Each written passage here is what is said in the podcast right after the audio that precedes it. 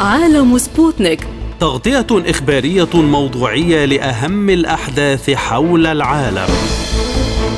يلقي الضوء على أهم الأخبار السياسية. والاقتصادية. والرياضية.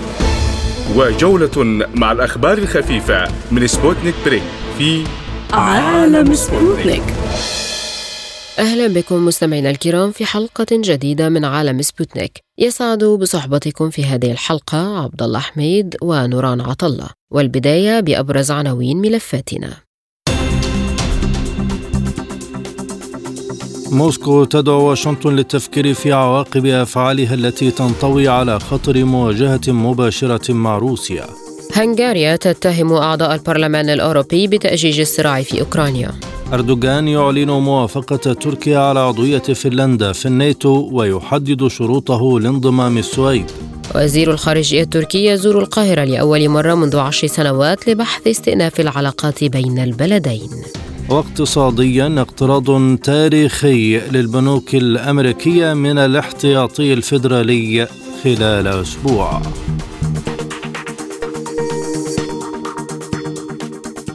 قالت المتحدثة باسم وزارة الخارجية الروسية ماريا زخروفا إنه يجب على واشنطن أن تنظر في عواقب أعمالها العدوانية المتزايدة التي تنطوي على خطر مواجهة عسكرية مباشرة مع روسيا. وحذرت زخروفا تعليقا على تصريحات وزير الدفاع الأمريكي لويد أوستن حول زيادة عدد الدول المستعدة لتزويد أوكرانيا بالدبابات من تكرار فشل مذل للولايات المتحدة مثل فيتنام أو أفغانستان. وأوضحت أن تصريح أوستن التي أدلى بها خلال اجتماع يوم الخامس عشر من مارس في شكل مؤتمر بالفيديو لما يسمى بمجموعة الاتصال الدفاع عن أوكرانيا تظهر مرة أخرى تركيز واشنطن المهووس على حرب شامله شاملة مع روسيا حتى آخر أوكراني.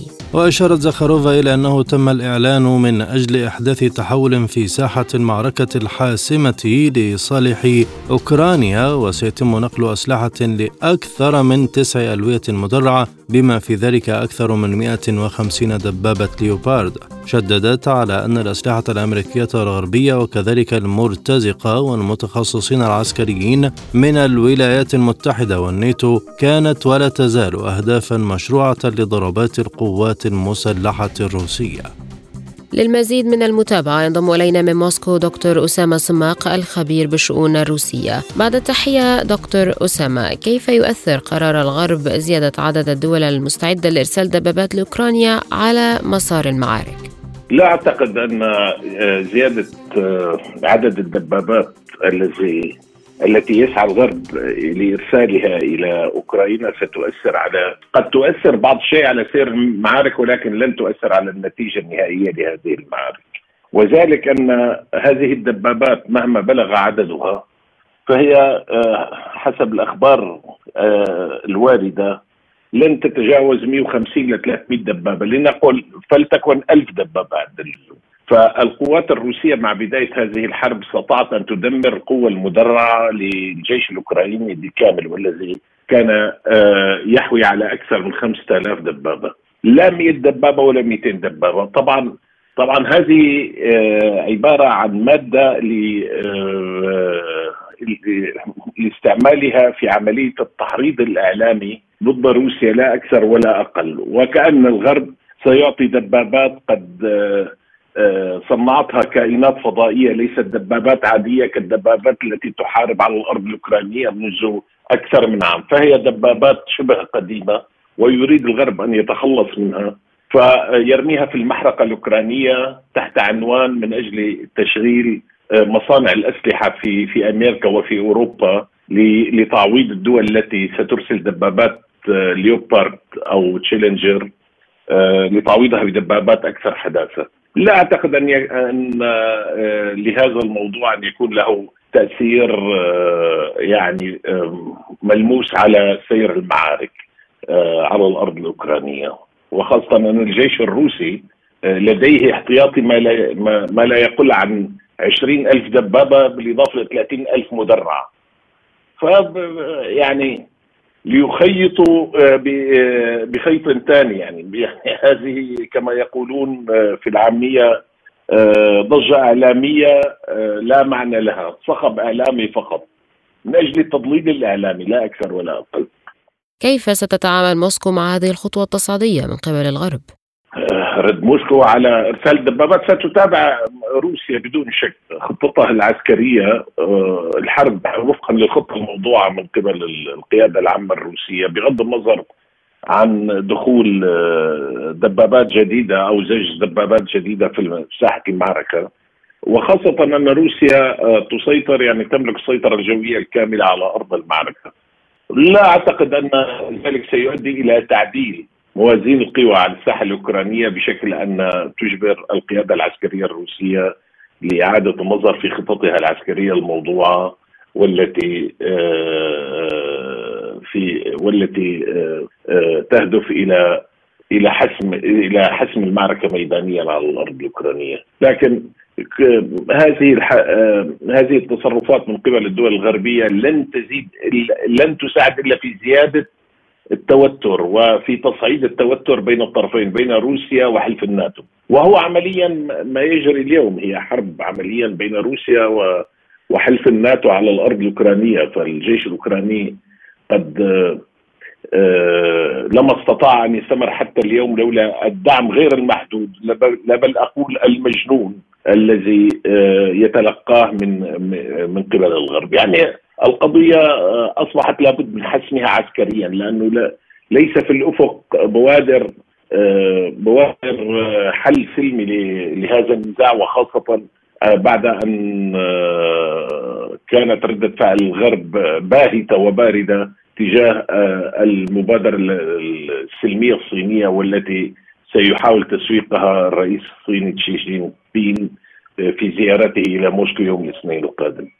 إلى أي مدى يمكن أن تؤدي التحركات الأمريكية بخصوص الوضع في أوكرانيا لمواجهة مع روسيا كما حذرت موسكو؟ على ما أعتقد وأرجو أن أكون مخطئا أن الوضع آه، قد أصبح في منتهى التوتر. قد زاد التوتر بين الطرفين بين أمريكا وروسيا إلى درجة أصبح العالم يرقص على شفا الهاوية آه، يعني آه، ما يجري من من زيادة في تسليح أوكرانيا.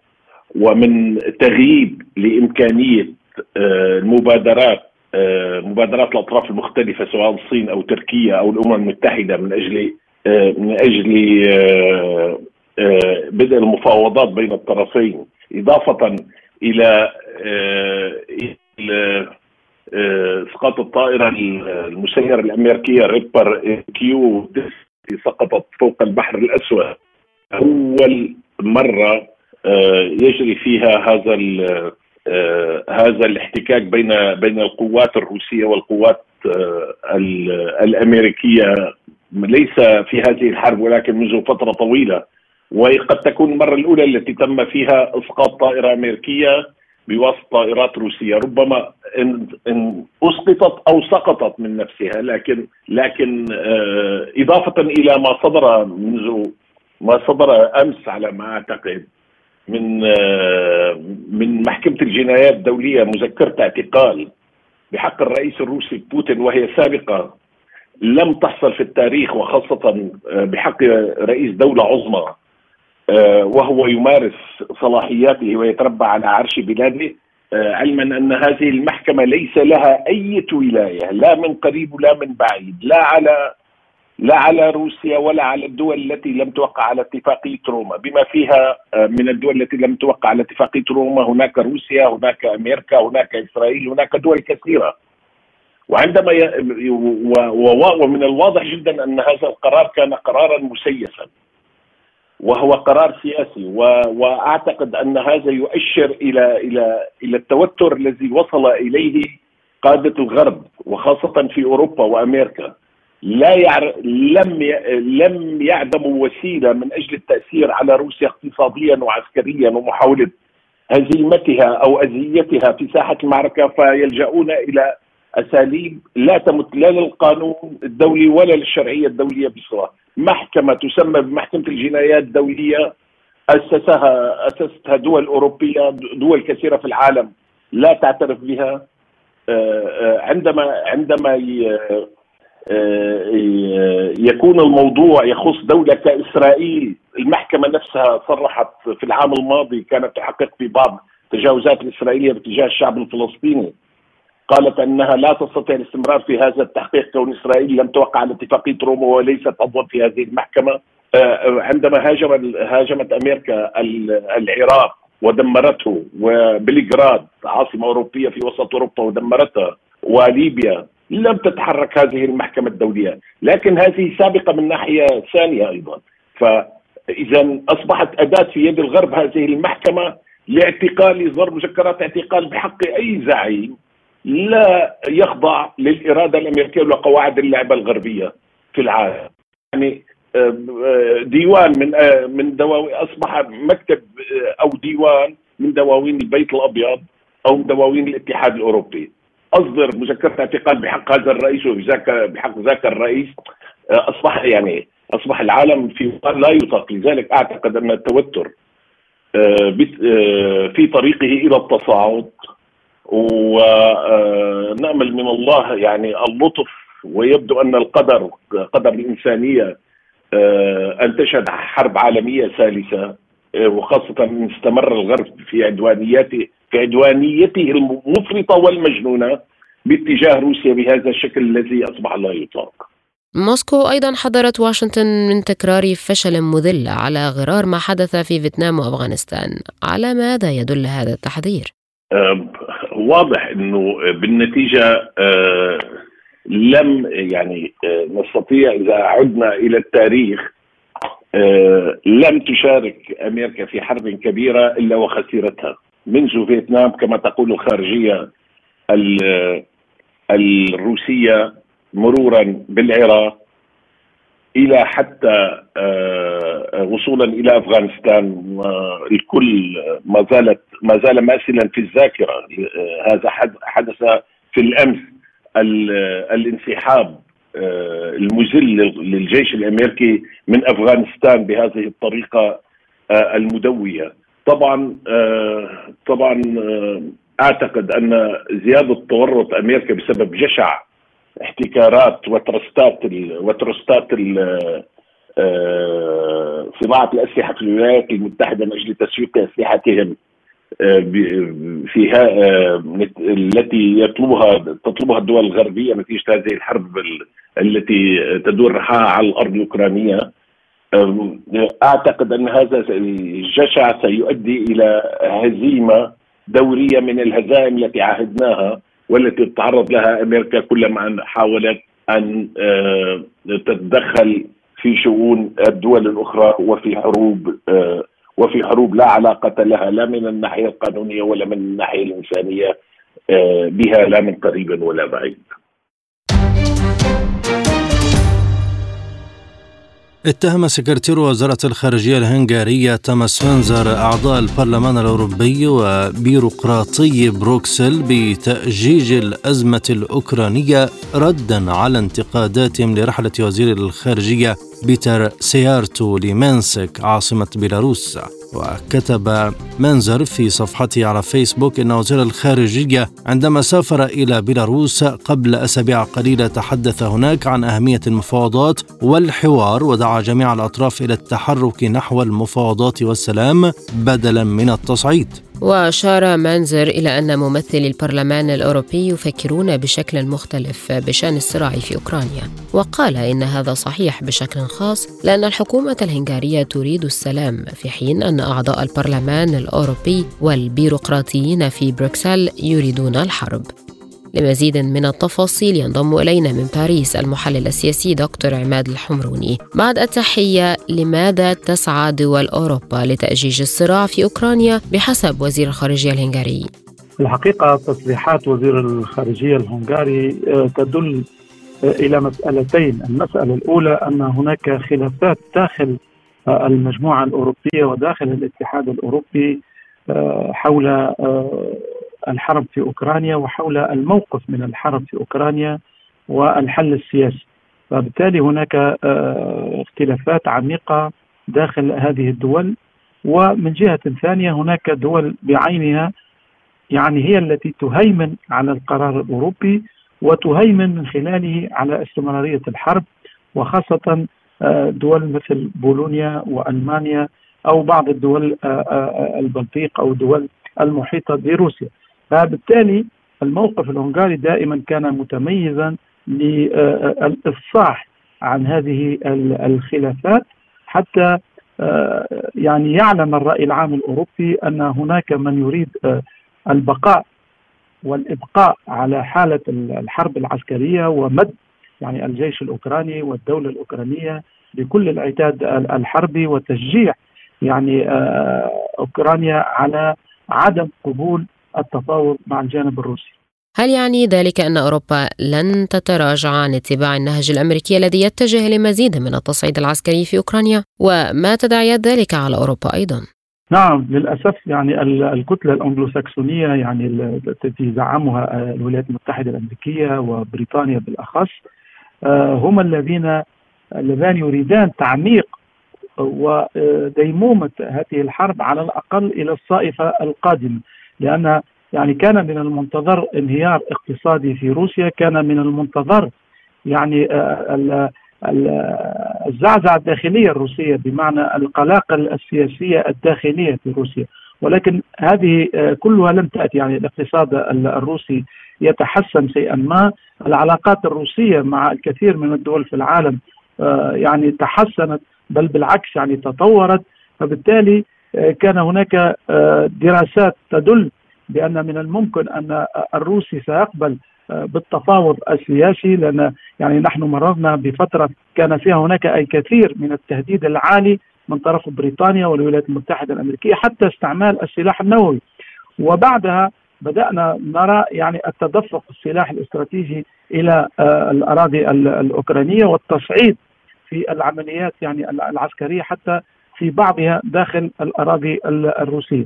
فبالتالي هناك منهجية للكتلة الانجلوساكسونيه لديمومة هذه الحرب ولكن نحن نرى المضاعفات الكبرى الاقتصادية والسياسية والاجتماعية في داخل دول كبرى مثل ألمانيا مثل فرنسا ومثل حتى يعني الدول آه، التي هي قريبة من الحدود الروسية. فبالتالي التعفن السياسي في أوروبا هو نتيجة للهيمنة الأنجلوسكسونية على القرارات الكبرى آه، داخل آه، يعني هذه المنطقة وبالتالي هذا يدل بأن المقرر الأساسي هو الولايات المتحدة الأمريكية وهي التي ستقرر متى ستكون نهاية هذه الحرب كيف ينعكس الخلاف بين دول أوروبا حول الموقف من أوكرانيا على مسار الأزمة؟ نحن آه، رأينا مدة يعني أكثر من سنة تقريبا محاولات الجانب الفرنسي مثلا الرئيس إيمانويل ماكرون وحتى الجانب الألماني آه، في وجود مفاهمات مع الجانب الروسي أو التفاوض السياسي أو الحل السياسي أو دفع التفاوض بين روسيا وأوكرانيا.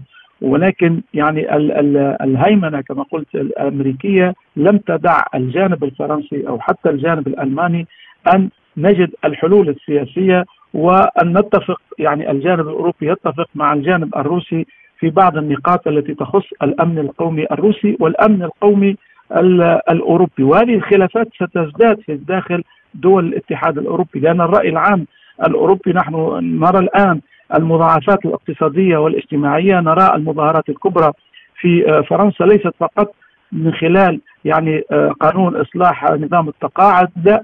هناك أيضا تراكمات الحرب في أوكرانيا هناك تراكمات التضخم والركود الاقتصادي. بريطانيا أيضا ألمانيا فبالتالي التصعيد سيكون تصعيدا آه، في الرأي العام الداخلي الأوروبي وهذا التصعيد سيؤدي إلى يعني بروز أكثر فأكثر للخلافات داخل المجموعة الأوروبية حول العملية العسكرية في أوكرانيا وحول الحرب مع روسيا.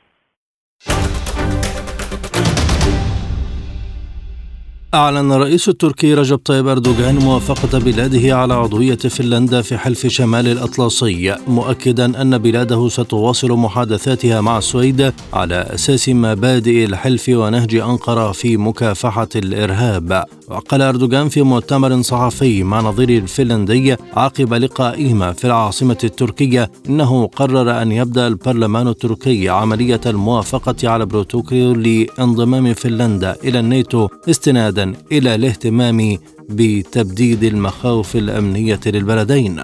وأعرب أردوغان عن اعتقاده بحسب وكالة الأناضول أن الناتو سيصبح أقوى مع عضوية فنلندا وسيلعب دورا فاعلا في الحفاظ على الأمن والاستقرار العالميين. وأشار إلى أن بلاده فضلت ملف انضمام فنلندا للناتو عن السويد لأنها لم تشهد مظاهرات لأنصار حزب العمال الكردستاني الذي تصنفه أنقرة تنظيما إرهابيا. وأشار إلى أن مسار السويد نحو التقدم لنيل العضوية سيكون مرتبطا بشكل مباشر بالخطوات الملموسة التي ستتخذها ستوكهولم في هذا الصدد. لإلقاء الضوء على الموضوع انضم إلينا من إسطنبول السيد هشام جوناي الكاتب والمحلل السياسي. بعد التحية سيد الكريم لماذا وافقت تركيا على عضوية فنلندا في حلف الناتو؟ تركيا ترى بأن فنلندا ليس لها علاقة بالتنظيمات الإرهابية لا سيما تنظيم بيكاكا الإرهابي أو حزب العمال الكردستاني بينما السويد تدعم هذا التنظيم وتخصص له 400 مليون دولار سنويا كدعم مالي. فمن هذا المنطلق ترى تركيا بأن يجب فصل مسار انضمام السويد وفنلندا إلى آه، حلف شمال الأطلسي الناتو. وتقول بأن فنلندا تفي بالشروط التي تطلبها تركيا كاساسي لانضمامها إلى حلف شمال الأطلسي. ومن هذه النقطة تحديدا وافقت وافق الرئيس التركي إلى نقل ومناقشة انضمام فنلندا إلى حلف الأطلسي إلى البرلمان التركي الذي سيبث بهذا القرار. اذا ما هي شروط أنقرة لانضمام السويد للناتو؟ اكد في الأمس الرئيس التركي أن آه، السويد تدعم التنظيمات الإرهابية ماليا اشترط على السويد أن تقطع هذا الدعم المالي و تغلق مكاتب حزب العمال الكردستاني آه، في ستوكهولم وفي عموم السويد وتعيد إلى تركيا مطلوبين لدى العدالة التركية وعددهم 120 شخص هذه هي الشروط التي آه، تفرضها تركيا على السويد إلى أي مدى توافق ستوكهولم على الشروط التركية في هذا الجانب؟ يعني حسب ما يقوله الرئيس أردوغان بأن لن يوافق على أي من المحاولات السويدية في دخول حلف شمال الأطلسي إذا لم توافق ولا لم تقدم على خطوات ملموسة في هذا السياق.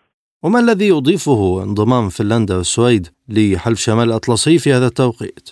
يعني حلف شمال الأطلسي طبعا حلف أمني بالدرجة الأولى ويعتمد على القوى العسكرية وحماية حدود الدول العضوة فيه السويد وفنلندا ليس آه، يعني لديهما آه، جيوشا قوية ممكن أن تزيد من قوة حلف شمال الأطلسي. ولكن لديهما طبعا موقع استراتيجي يحد من طبعا موسكو أو روسيا. فمن هذا المنطلق أعتقد بأن آه، سيضيف لحلف شمال الأطلسي أهمية في مواجهة التوسع الروسي نحو دول الجوار. سيد هشام كيف تتأثر العلاقات بين تركيا وروسيا نتيجة انضمام أي من البلدين للناتو في ظل علاقات وثيقة بين أنقرة وموسكو؟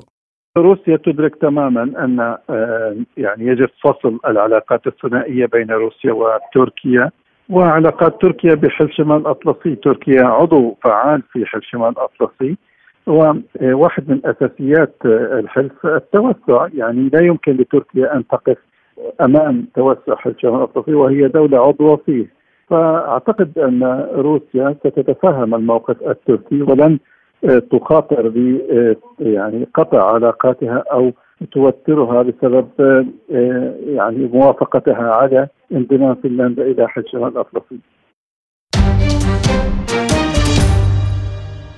استقبل وزير الخارجية المصري سامح شكري اليوم السبت نظيره تركي مولود شاوش أوغلو بمقر وزارة الخارجية في قصر التحرير بعد نحو عشر سنوات من القطيعة. واعتبرت وزارة الخارجية المصرية في بيان أمس الجمعة زيارة تشاوش أوغلو إلى القاهرة بمثابة تدشين لمسار استعادة العلاقات الطبيعية بين البلدين. إلى ذلك أشار المتحدث باسم الخارجية المصرية السفير أحمد أبو زيد إلى أن زيارة أوغلو تعد بمثابة تدشين لإطلاق حوار معمق حول مختلف جوانب العلاقات الثنائية والقضايا الإقليمية والدولية محل الاهتمام المشترك وبهدف الوصول لتفاهم مشترك يحقق مصالح الدولتين والشعبين.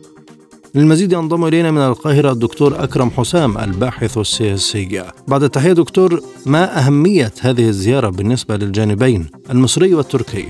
بالتأكيد الزيارة في غاية الأهمية لأنها يعني تأتي في ضوء يعني سنوات من التوتر والتقاعد ما بين ما بين تركيا وما بين مصر على خلفية آه، وجود ملفات خلافية كثيرة آه، وصلت في مرحلة من المراحل إلى اقتراب البلدين من احتمالات المواجهة العسكرية على المسرح الليبي. آه، الآن بعد خطوات من من التقارب من خلال الجولات الاستكشافية التي جرت بين البلدين منذ أبريل 2021 هناك مساعي بالفعل للعودة بالعلاقات للوضع الطبيعي وحل المشاكل الخلافية، لذلك آه، يعول كثيرا على هذه الزيارة التي تأتي بعد يعني أسبوع أو أسبوعين تقريبا من زيارة وزير الخارجية المصري إلى تركيا للتضامن مع جمهورية تركيا بخصوص كارثة الزلزال. الزيارة تكتسب معنى كبير نتيجة لأن الدولتان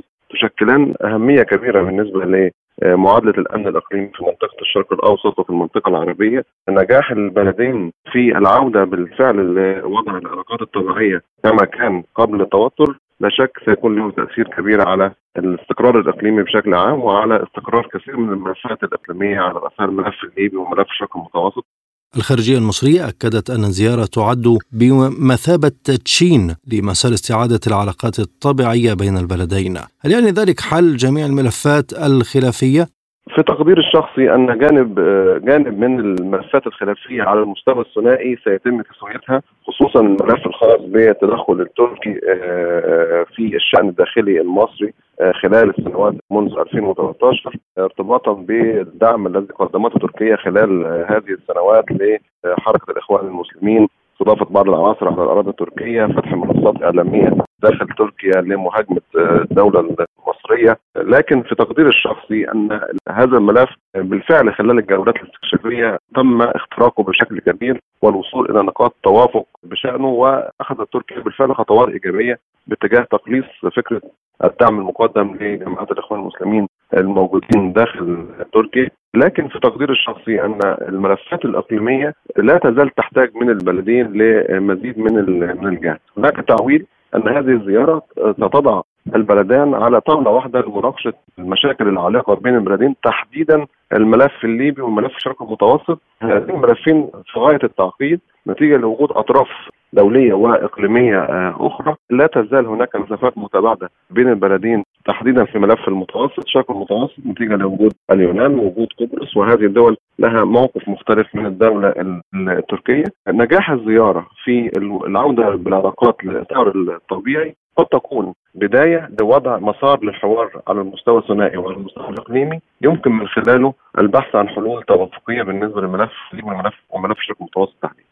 ما هو الإجراء المناسب إذا للملفين سواء الملف الليبي بما يحمله من معطيات داخلية وخارجية أو ملف شرق المتوسط بما يحمله من أهمية إقليمية أعتقد إن ملف الشرق المتوسط يمكن اختراقه من خلال التعويل على الإطار الإقليمي الممثل في منظمة غاز الشرق المتوسط. هذه المنظمة التي تستضيفها مصر أو التي أسستها مصر منذ 2019 كمنتدى ثم تحول في يناير 21 إلى آه، منظمة في حال عادت العلاقات بشكل طبيعي وكانت هناك مساعي أعتقد إن هذا هذا قد يكون مدخل مناسب يعني في حال آه، تمت دعوه تركيا للانضمام كعضو اساسي في منظمة الشرق المتوسط يمكن أن تكون هذه الآلية الإقليمية هي المسار المرجح لمناقشه أي قضايا خلافية خصوصا طبعا ما بين مصر وتركيا خصوصا أن القضايا الخلافية فيما يتعلق بالشق المتوسط لا لا تنحصر فقط في الدائرة المصرية والدائرة التركية. هناك دوائر متخطى معها كما قلت دائرة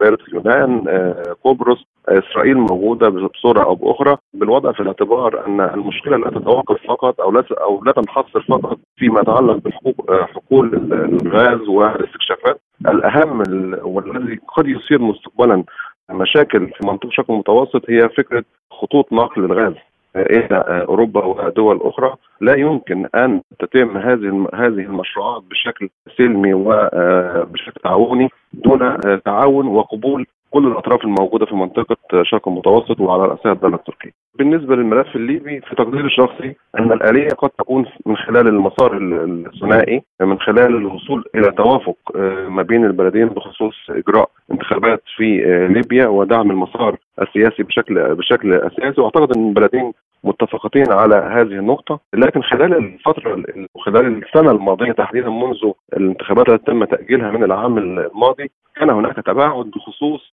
فكرة الاتفاق على آه، آلية سياسية موحدة يمكن من خلالها العودة بالوضع الليبي إلى مرحلة الاستقرار خطط خلال الفترة الأخيرة خطوات مهمة جدا للوقوف على مسافة متساوية من كل الأطراف في ليبيا شرقا وغربا وهذا قرب الموقف المصري بشكل كبير من الموقف التركي الذي انحصر وركز دوره بشكل أساسي في دعم القوى السياسية في الغرب الغرب الليبي.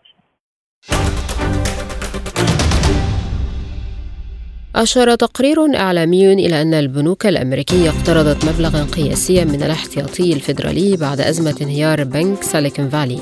وبحسب التقرير الذي نشرته وكالة بلومبرج فإن حجم الاقتراض سجل مبلغا قياسيا متجاوزا حاجز 111 مليار دولار الذي تم الوصول له خلال الأزمة المالية لعام 2008 وأشارت بلومبرج إلى أن حجم المبلغ الذي تم اقتراضه من الاحتياطي وصل 164.8 مليار دولار لافتة إلى أنه تم جمع نحو 152.8 مليار دولار من هذا المبلغ من خلال نافذة الخصم وهي منشأة تقدم قروضا قصيرة الأجل للبنوك التجارية لمدة تصل إلى 90 يوما. للمزيد ينضم إلينا من الجزائر الدكتور عمر هارون الخبير الاقتصادي. أهلا بك دكتور. هل عززت هذه الخطوة المخاوف من الدخول في أزمة اقتصادية عالمية؟ يعلم الجميع انه الولايات المتحدة الأمريكية تقود العالم اقتصاديا من خلال قدرتها على المحافظة على قوة الدولار، وطبعا يأتي يعني الوضع الأخير اللي يحدث الآن خاصة بعد الأزمة الروسية الأوكرانية وقضية يعني العقوبات المفروضه على روسيا وهناك يعني محاولة انشاء نظام مالي جديد عالميا. يأتي هذا الأمر هذا في سياق الذي يؤدي إلى تخلي العديد من الدول ولو بشكل جزئي على تعاملها بالدولار والتعامل بشكل بيني بعملاتها المحلية، إذا من هذا المنطلق يبدأ الدولار في فقد قوته وفي فقد إمكانية توسعه عالميا، لما كنا في الأزمة المالية لسنة 2008 كانت هنالك يعني ضخ لحجم كبير من الأموال. يقال أنه وصل إلى حوالي 500 مليار دولار ربما الرقم ليس دقيقا لكن هذه المعلومات كانت متاحة. ومع ذلك الحجم من الأموال التي ضخت في الاقتصاد الأمريكي استطاع الاقتصاد الأمريكي أن يعود، المشكلة الآن في الأزمة الجديدة أزمة سيليكون فالي بانك أنه الواقع الجديد أنه الدولار لم يعد قويا كما كان عليه الأمر سابقا ولو بشكل نظري ولو ما, ما سيكون عليه الحال في الأشهر والسنوات القليلة القادمة. ومنه المخاوف الآن انه لا تستطيع الولايات المتحدة الأمريكية أن تتوسع في طباعة النقود وأن تحافظ على قوة عملتها لأنه سابقا لما كانت تحتاج الولايات المتحدة الأمريكية يعني تقوية اقتصادها أو الخروج من أزمة مالية فكانت الآلية اللي تحدثها أو اللي تعمل بها هي طباعة النقود ولو بشكل غير معلن والنقود طبعا اللي هي الدولار الأمريكي يوزع عبر كل الاقتصاديات العالمية نظرا لأنه الدولار طبعا عمله صعبة ويحتاجه كل دول العالم وهو عملة رئيسية خاصة التعاملات النفطية والغازية. إلى أي مدى تنكمش قوة الدولار في ظل هذا التدهور ما يؤدي إلى تضخم في الاقتصاد يضاف إلى هذا التحول؟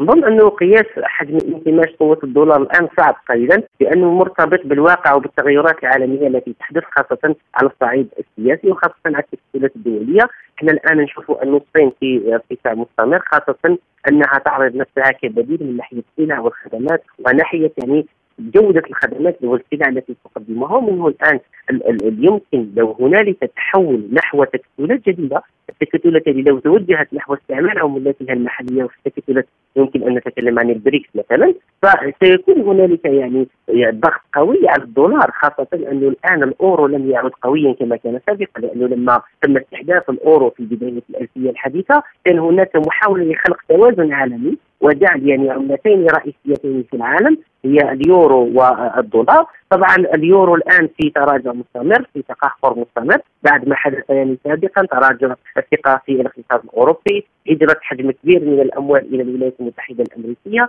اذا هنا ضعف الاورو بقات عملة واحدة اللي هي قوية عالميا اللي هي الدولار. الآن هذه العملة أصبح من السهل استهدافها من كل يعني الجوانب. الآن مع عدم يعني دخول حوالي 100 دولة في العقوبات الاقتصادية المفروضة على على روسيا وعلى حلفائها إذا هنا نرى أنه سيكون هناك احتمال قوي لتراجع قوة الدولار لو لو لو لم تتراجع الولايات المتحدة الأمريكية على رؤيتها للعالم الآن. وإعادة النظر في التكتلات اللي راهي موجودة الآن أنا أتوقع أن الأمر إذا بقي على ما هو عليه ربما في حدود الست سنوات القادمة لن يبقى الدولار على ما هو عليه الآن وسوف نرى يعني تكتلات جديدة ونظام عالمي اقتصادي جديد ليس كما هو عليه الآن وابرز نقطة فيه هي أن يفقد الدولار قوته وأن نذهب ربما إلى إلى عملات محلية تكون أقوى مما عليه الآن. إلى أي مدى يمكن أن ينجح الاقتراض في إنقاذ البنوك الأمريكية من الانهيار؟ نظن أنه المرحلة الحالية وأزمة بنك سيليكون فالي البنك سيليكون فالي هي أزمة مرحلية. لا أراها أنها أزمة عميقة جدا في الاقتصاد الأمريكي. لكنها مؤشر مهم على أنه دورات الأزمات أصبحت أكثر في مدتها لأنه كما يعلم الجميع الاقتصاد الرأسمالي هو اقتصاد أزمات أي يصحح نفسه بنفسه من خلال الأزمات، لكن سابقا كانت دورة الأزمات تأخذ وقتا أطول يعني كنا نرى أنه ما بين الأزمة والأزمة مدة طويلة تصل إلى 20 سنة، الآن مدة المده ما بين الأزمات أصبحت أكثر وأصبحت الأزمات أقوى والفقاعات التي تنفجر أصبحت تؤثر بشكل كبير نظرا للعولمة التي تحدث الآن، لهذا نظن لو بقينا بهذا المستوى من من تقهقر النظام العالمي الحالي سوف نكون أمام أزمة قوية جدا قد تعصف بالاقتصاد الأمريكي وبالدولار الأمريكي خاصة انه الآن لم يعد هنالك ذلك الهاجس اللي كان سابقا. لأنه دائما كان معروف انه المحافظة على قوة الاقتصاد الأمريكي مرتبط بالقوة العسكرية. الآن ليس هنالك ذلك تلك القدرة التي كانت سابقا نظن في التدخل العسكري نظرا لما هو موجود الآن والخارطه الجيوستراتيجيه الجيوسياسية الجديدة الآن اللي موجودة في العالم. ومن هذا المنطلق نظن لو بقينا بهذا المنوال ولم تص... ولم ولم تصحح الولايات المتحده الامريكيه يعني الأخطاء الاستراتيجية التي وقعت فيها إلى حد الآن نظن انه الدولار الأمريكي يذهب نحو التراجع وفقدان قوته وفقدان ميزته كقوة مالية عالمية وكعملة يعني غير مناقشة ولا غير قابلة يعني التراجع ولا غير قابلة لأن تكون يعني مساوم عليها العكس تماما سوف تصبح سوف يصبح الدولار عفوا في حالة يعني توازن مع باقي العملات إن لم يكن أقل منها مستقبلا. ما هي المخاطر التي تواجه الاقتصاد الأمريكي وهل الاقتصاد العالمي مهدد أيضا؟ طبعا الآن إحنا نعيش في في في مرحلة جديدة جدا خاصة بعد الأزمة الروسية الأوكرانية. نظن انه أزمة الطاقة التي عصفت بأوروبا وتغير الخارطة العالمية لتوجيه الطاقة إلى أوروبا. نظن أن الولايات المتحدة الأمريكية الآن تحاول أن تعمل بنفس الطريقة اللي كانت فيها في الحرب العالمية الثانية أي أن تكون حيادية وأن تنسحب من الصورة خاصة ان جغرافيا هي معزولة لكن أنا اظن أنه الأكثر تاثرا في المرحلة الحالية سوف تكون أوروبا وسوف يكون كل الثقل على أوروبا. وقد بدأ الآن لأن الموجات التضخمية اللي بدأت الآن هي موجات رهيبة ورهيبة جدا. يعني أوروبا الآن خاصة في السلع الاستهلاكية البسيطة الخضر والفواكه وهي واللحوم يعني ارتفعت بشكل مهول ربما حتى ب 500% وهذا أرقام كبيرة وكبيرة جدا. في حين نجد أن الأسعار ربما في دولة كروسيا اللي هي مكان يعني قريب جدا من الصراع فالأسعار فيها منتظمة وأسعار يعني عقلانية جدا. إذا نظن أن المتضرر الأول في الأزمات التي نعيشها الآن هي آه، أوروبا بالدرجة الأولى ثم آه، الدول المحيطة بها فالمحيطة بها. الاقتصاد الأمريكي إن أردنا أن نؤكد عليه انهيار تاعو ليس في التضرر الداخلي لأنه منعزل وحتى السوق تاعو الداخلية قوية لأنه عدد المستهلكين فيه كبير لكن التأثير المباشر هو التأثير المتعلق بقوة الدولار اللي تكلمنا عليها واسهبنا وصلنا فيها. والنقطة الثانية هي أن الشركات الأمريكية اليوم ربما سوف تفر من السوق الأمريكية تخوفا مما قلناه سابقا وتتوجه إلى اقتصادات أخرى إلى إلى الأماكن الأخرى على غرار الصين على غرار الهند. أصبحت جنات استثمارية حديثة وهذا ما يمكن أن يضعف الاقتصاد الأمريكي ويرفع في نسبة البطالة. وكما يعلم الجميع فإن ارتفاع نسبة البطالة هو من أهم المشاكل التي يمكن أن تحدث أن تحدث عفوا مشكلة في الاقتصاد الأمريكي لأنه سنصبح امام حاله ازدواجيه أي الاستغفلاسيون أي التضخم والبطالة ومن هذا المنطلق إذا اجتمعت التضخم والبطاله هي واحدة من أبرز المشاكل التي يمكن أن يعاني منها أي اقتصاد وإذا أضفنا إليها تدهور قيمة الدولار الذي افترضنا أنه سيكون ذات السنوات فهذا سوف يعمق من الجراح وسوف يؤدي الولايات المتحده الأمريكية إلى ضرورة مراجعة سياستها لأنه لا أحد يريد أن تنهار الولايات المتحده الأمريكية لأنه انهيار الاقتصاد الأمريكي سوف يؤثر على كل العالم، ما الذي نريده؟ نريد من الاقتصاد الأمريكي أن يصحح نفسه وأن يراجع حساباته وأن يتعامل مع باقي الدول وفق ندية وفق حسابات تمكن كل دول العالم من الازدهار ومن النمو ومن تحقيق هذه الأهداف اللي نعتبرها هي أهداف التنمية العالمية وهو مصير مشترك لأنه سابقا كانت ربما القدرة أن دوله يمكن أن تنمو وتتطور بغض النظر عن باقي الدول لكن الآن في عالم يعني اصبحت فيه أصبح فيه ارتباط وثيق جدا فهذا الأمر أصبح صعبا وصعبا جدا وأصبح التاثير المتبادل كبير وهذا ما يؤدي إلى انه يجب أن أن نذهب إلى نظام عالمي يكون فيه التوازن يكون فيه يعني الحق للجميع في أن ينهض بشكل متوازي وإلا سوف يكون هنالك مشاكل في كل دول العالم الكبيرة والصغيرة على حد سواء.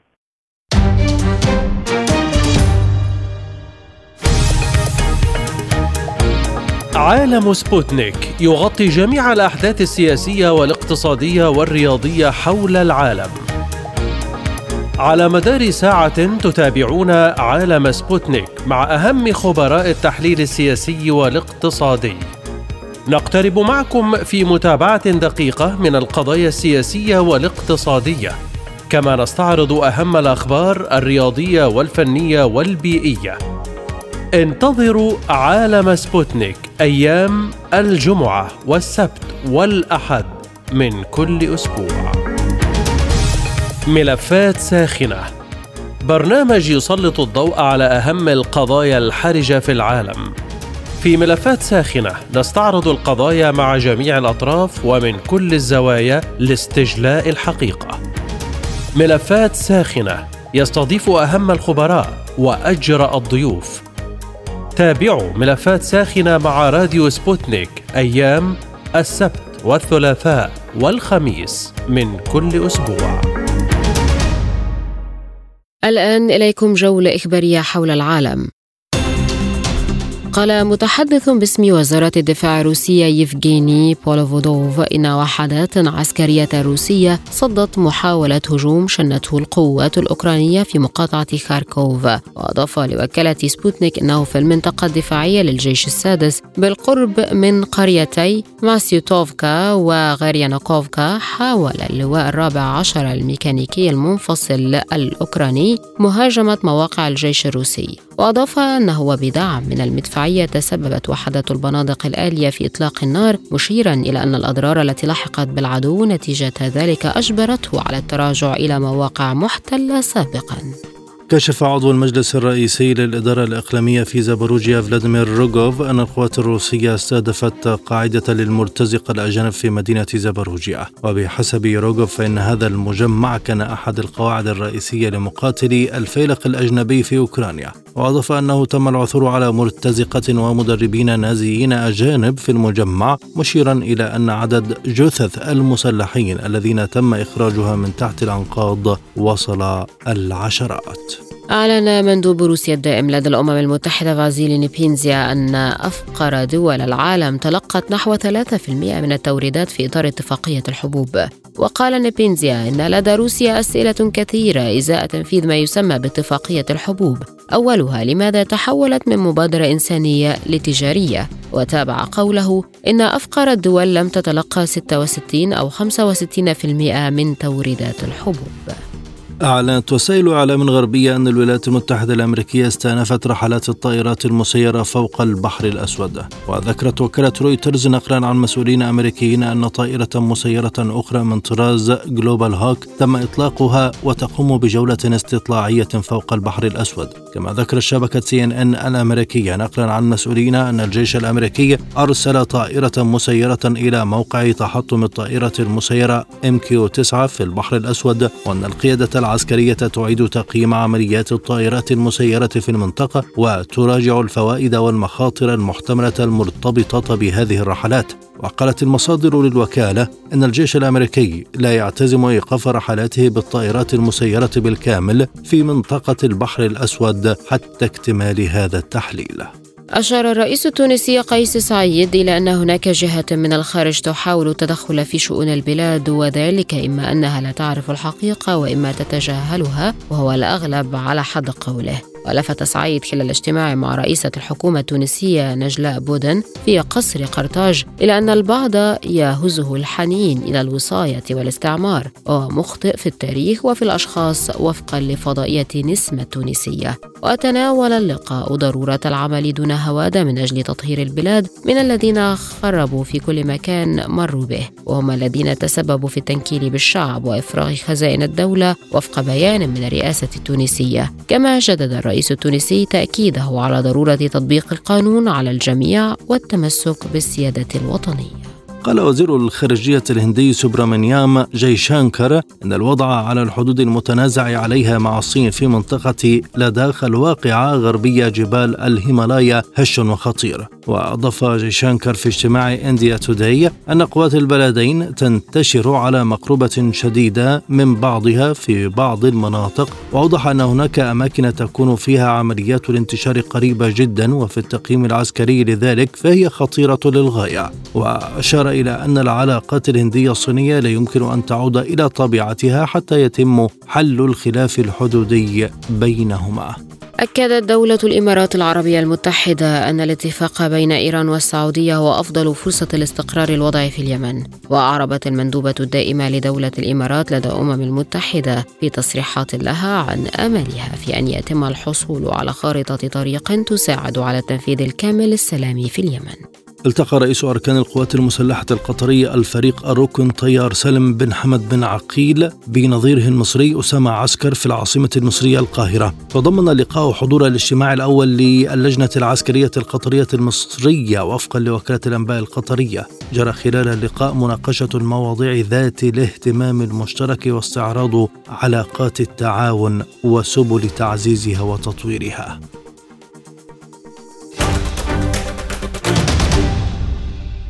مستمرون معكم وهذه تذكرة بأهم العناوين. موسكو تدعو واشنطن للتفكير في عواقب أفعالها التي تنطوي على خطر مواجهة مباشرة مع روسيا. هنغاريا تتهم أعضاء البرلمان الأوروبي بتأجيج الصراع في أوكرانيا. أردوغان يعلن موافقة تركيا على عضوية فنلندا في الناتو ويحدد شروطه لانضمام السويد. وزير الخارجية التركي يزور القاهرة لأول مرة منذ عشر سنوات لبحث استئناف العلاقات بين البلدين.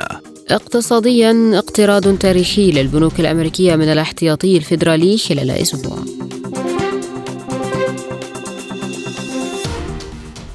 الآن إلى الملف الاقتصادي.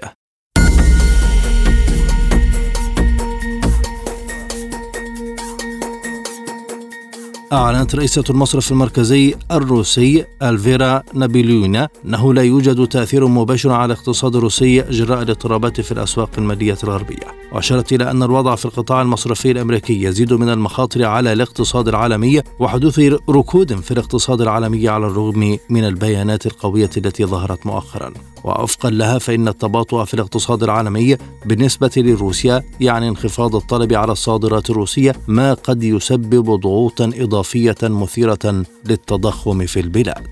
كشفت صحيفة بوليتيكو عن وجود غضب متزايد لدى المسؤولين في بروكسل من الشركات التي تطالب بالمزيد من التمويل الحكومي وهددت بانتقالها إلى أمريكا في حال عدم حصولها على الدعم الحكومي. وبحسب الصحيفة فإن المشكلة الأولى تتمثل في أن الرئيس الأمريكي جو بايدن قد استخدم حزمة ضخمة من الإعانات الحكومية بموجب قانون الحد من التضخم وذلك لإغراء العديد من الشركات الصناعية الأوروبية الكبرى مثل فولكس فاجن ومصنع البطاريات نورث فولت للنظر في الانتقال إلى الولايات المتحدة. أضافت أن المشكلة الثانية فهي الطريقة التي استجاب فيها الاتحاد الأوروبي للمشكلة الأولى دون مزيد من التفاصيل واعتبرت أنه في حال فشل سياسة بروكسل فإن المشكلة لا تضع على المحك الجدوى المستقبلية للصناعة الأوروبية فقط ولكن تهدد المبادئ التأسيسية لاقتصاديات السوق الحرة التي تم بناء الاتحاد الأوروبي عليها. قرر مجلس إدارة البنك المركزي الروسي خلال اجتماع مجلس إدارته أمس الجمعة الإبقاء على سعر الفائدة الرئيسي عند مستواه الحالي 7.5% سنويا وذلك للمرة الرابعة على التوالي. أكد المركزي الروسي أن التضخم في روسيا بنهاية العام الحالي 2023 سيتراوح بين 5% و7% على أن يعود إلى 4% في العام 2024 وشدد البنك الروسي على أن التوقعات فيما يتعلق بالتضخم للأسر الأسر والشركات لا تزال عند مستوى مرتفع. أفادت دراسة أعدها مركز الدولي للمعلومات انخفاض متوسط حجم الاستهلاك اليومي من البنزين في لبنان من 304 ألاف صفيحة في العام 2022 إلى 213 ألف صفيحة هذا العام أي بنسبة 30% وأضافت الدراسة أن هذا أدى إلى تراجع في حركة السير خارج أوقات الذروة كما يؤدي إلى تراجع في أرباح المحطات. في هذا الإطار اعتبر عضو نقابة أصحاب محطات المحروقات جوج البراكس أن انخفاض استهلاك البنزين مرده الأساسي ارتفاع كلفة سعر صفيحة البنزين وتراجع القدرة الشرائية لدى المواطن اللبناني.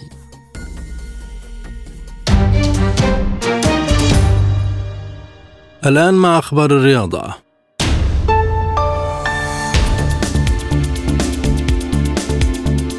صرح الإسباني روبرتو مارتينيز المدير الفني الجديد لمنتخب البرتغال بأنه من المهم استدعاء كريستيانو رونالدو قائد النصر السعودية إلى تشكيلة المنتخب خلال فترة التوقف الدولي المقبلة. وقال مارتينيز في تصريحات صحفية إنه لا يهتم بالعمر إطلاقا مؤكدا أن رونالدو لاعب مجتهد وملتزم إلى أبعد درجة ووجوده مع المنتخب البرتغالي مهم للغاية. وأضاف أن كريستيانو يفترض أن يكون ضمن القائمة فهو عنصر مهم للمنتخب الوطني منذ 19 عاما ويستحق كل الاحترام والتقدير. وتابع أن هدفه هو تكوين مجموعة جيدة من اللاعبين من أجل التأهل لبطولة أوروبا والمنافسة على اللقب.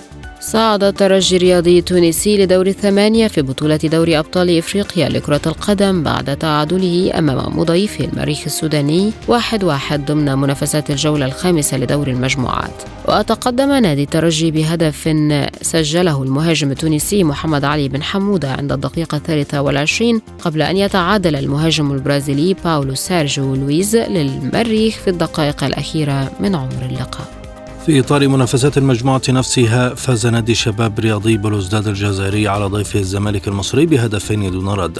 سجل أهداف بلوزداد زكريا دراوي والمهاجم الكاميروني ليونيل وامبا في الدقيقتين الخامسة والسبعين والتاسعة والسبعين من عمر اللقاء. بذلك رفع شباب بلوزداد رصيده بعد هذا الفوز إلى تسع نقاط في المركز الثاني وضمن تأهله إلى الدور ربع النهائي للبطولة رفقة الترجي الرياضي التونسي المتصدر برصيد عشر نقاط. بينما توقف رصيد الزمالك عند أربع نقاط وبقي في المركز الرابع والأخير في ترتيب المجموعة ودع رسميا البطولة رفقة المريخ السودانية. فاز الأهلي المصري على مضيفه كوتن سبورت الكاميروني بأربعة أهداف دون رد في اللقاء الذي جمعهما ضمن منافسات الجولة الخامسة لدور المجموعات من دوري أبطال إفريقيا لكرة القدم. وسجل أهداف المباراة اللاعب محمود كهربا في الدقائق الثالثة والعشرين والتاسعة والعشرين والحادية والخمسين فيما سجل المهاجم الجنوب إفريقي بيرسيتاو الهدف الرابع بحلول الدقيقة الرابعة والخمسين من عمر المباراة. وبذلك رفع الأهلي رصيده بعد هذا الفوز إلى سبع نقاط في المركز الثالث في ترتيب المجموعة الثانية في انتظار نتيجة المباراة التي تجمع سان داونز الجنوب إفريقي المتصدر والهلال السوداني صاحب المركز الثاني اليوم السبت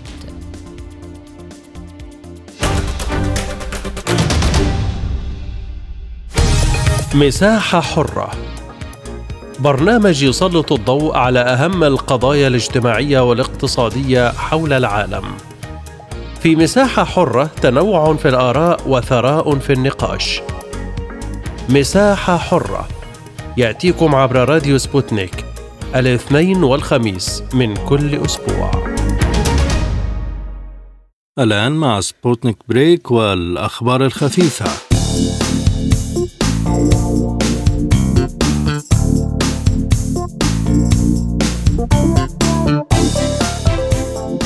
أوقفت شركة الطيران الهندية منخفضة التكلفة سبيس جيت اثنين من طياريها بعدما تناولا القهوة والمعجنات داخل قمرة القيادة بطريقة كان من الممكن أن تشكل كارثة لو انسكب أحد المشروبات الساخنة. وأثارت صورة تظهر كاسا مكشوفا يحمل شعار شركة الطيران موضوعا بشكل خطير بالقرب من أدوات التحكم داخل قمرة القيادة غضبا بين مجتمع الطيران في الهند وعلى الإنترنت.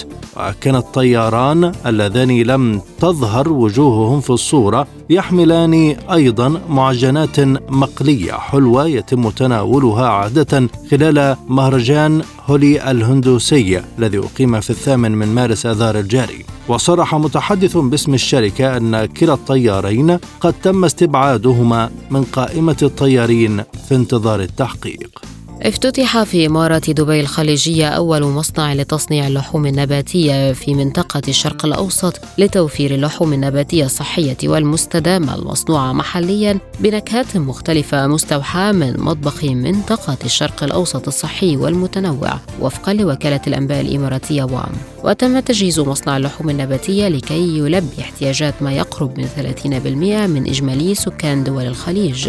وأشارت وزيرة التغير المناخي والبيئة الإماراتية مريم بنت محمد المهيري أنه في ظل عام الاستدامة تتخذ الإمارات خطوات ملموسة لمواجهة تداعيات تغير المناخ وتعزيز التنوع الغذائي ودعم تطوير عمليات الإنتاج الغذائي المستدامة.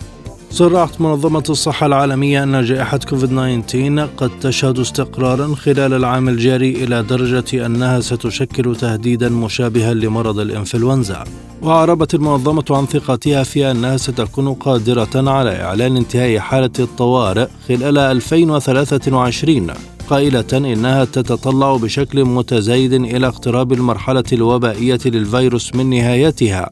وقال مدير الطوارئ في منظمة الصحة العالمية مايكل رايان إن الفيروس سيظل خطرا على الصحة وسيستمر في حصد الأرواح لكن أيضا كفيروس لا يعرقل المجتمع. من ناحيته أعرب رئيس منظمة الصحة العالمية عن ثقته أنه سيكون بالإمكان في العام الجاري القول إن فيروس كورونا المستجد قد انتهى باعتباره حالة طوارئ صحية عامة تثير قلقا دوليا. كشف موقع تيست أطلس العالمي المتخصص بالمأكولات والحلويات أن حلوى مقروط اللوز الجزائرية تم اختيارها كأفضل وأشهى الحلويات في العالم. ولفت أن هذه الحلوى تم تفضيلها على حلوى كعب الغزال المنتشرة في شمال إفريقيا بالإضافة إلى حلويات المعمول اللبنانية الشهيرة. وتم تصنيف مقروط اللوز كأفضل وألذ حلوى نظرا لمحتوياتها الفريدة والصحية. فهي خالية من دقيق القمح. وتتكون من اللوز والبيض والسكر وماء الزهر والقليل من عصير البرتقال. أما المرتبة الثانية في القائمة فكانت من نصيب معجنات الفاجور الخاصة بدول أمريكا اللاتينية وإسبانيا حيث يتكون من حشوة حلوة وتتبعها في القائمة حلويات من اليونان تسمى ميلو ماكارونو التي تحتوي على الدقيق وزيت الزيتون والعسل. كما كان للحلويات المغربية كعب الغزال حصة في القائمة. حيث حصدت المرتبة الثالثة عشر وتتميز هذه الحلويات بوجودها في الجزائر وتونس بأشكال وأسماء مختلفة.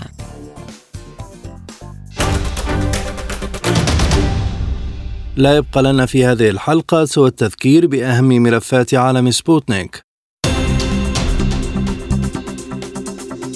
موسكو تدعو واشنطن للتفكير في عواقب أفعالها التي تنطوي على خطر مواجهة مباشرة مع روسيا.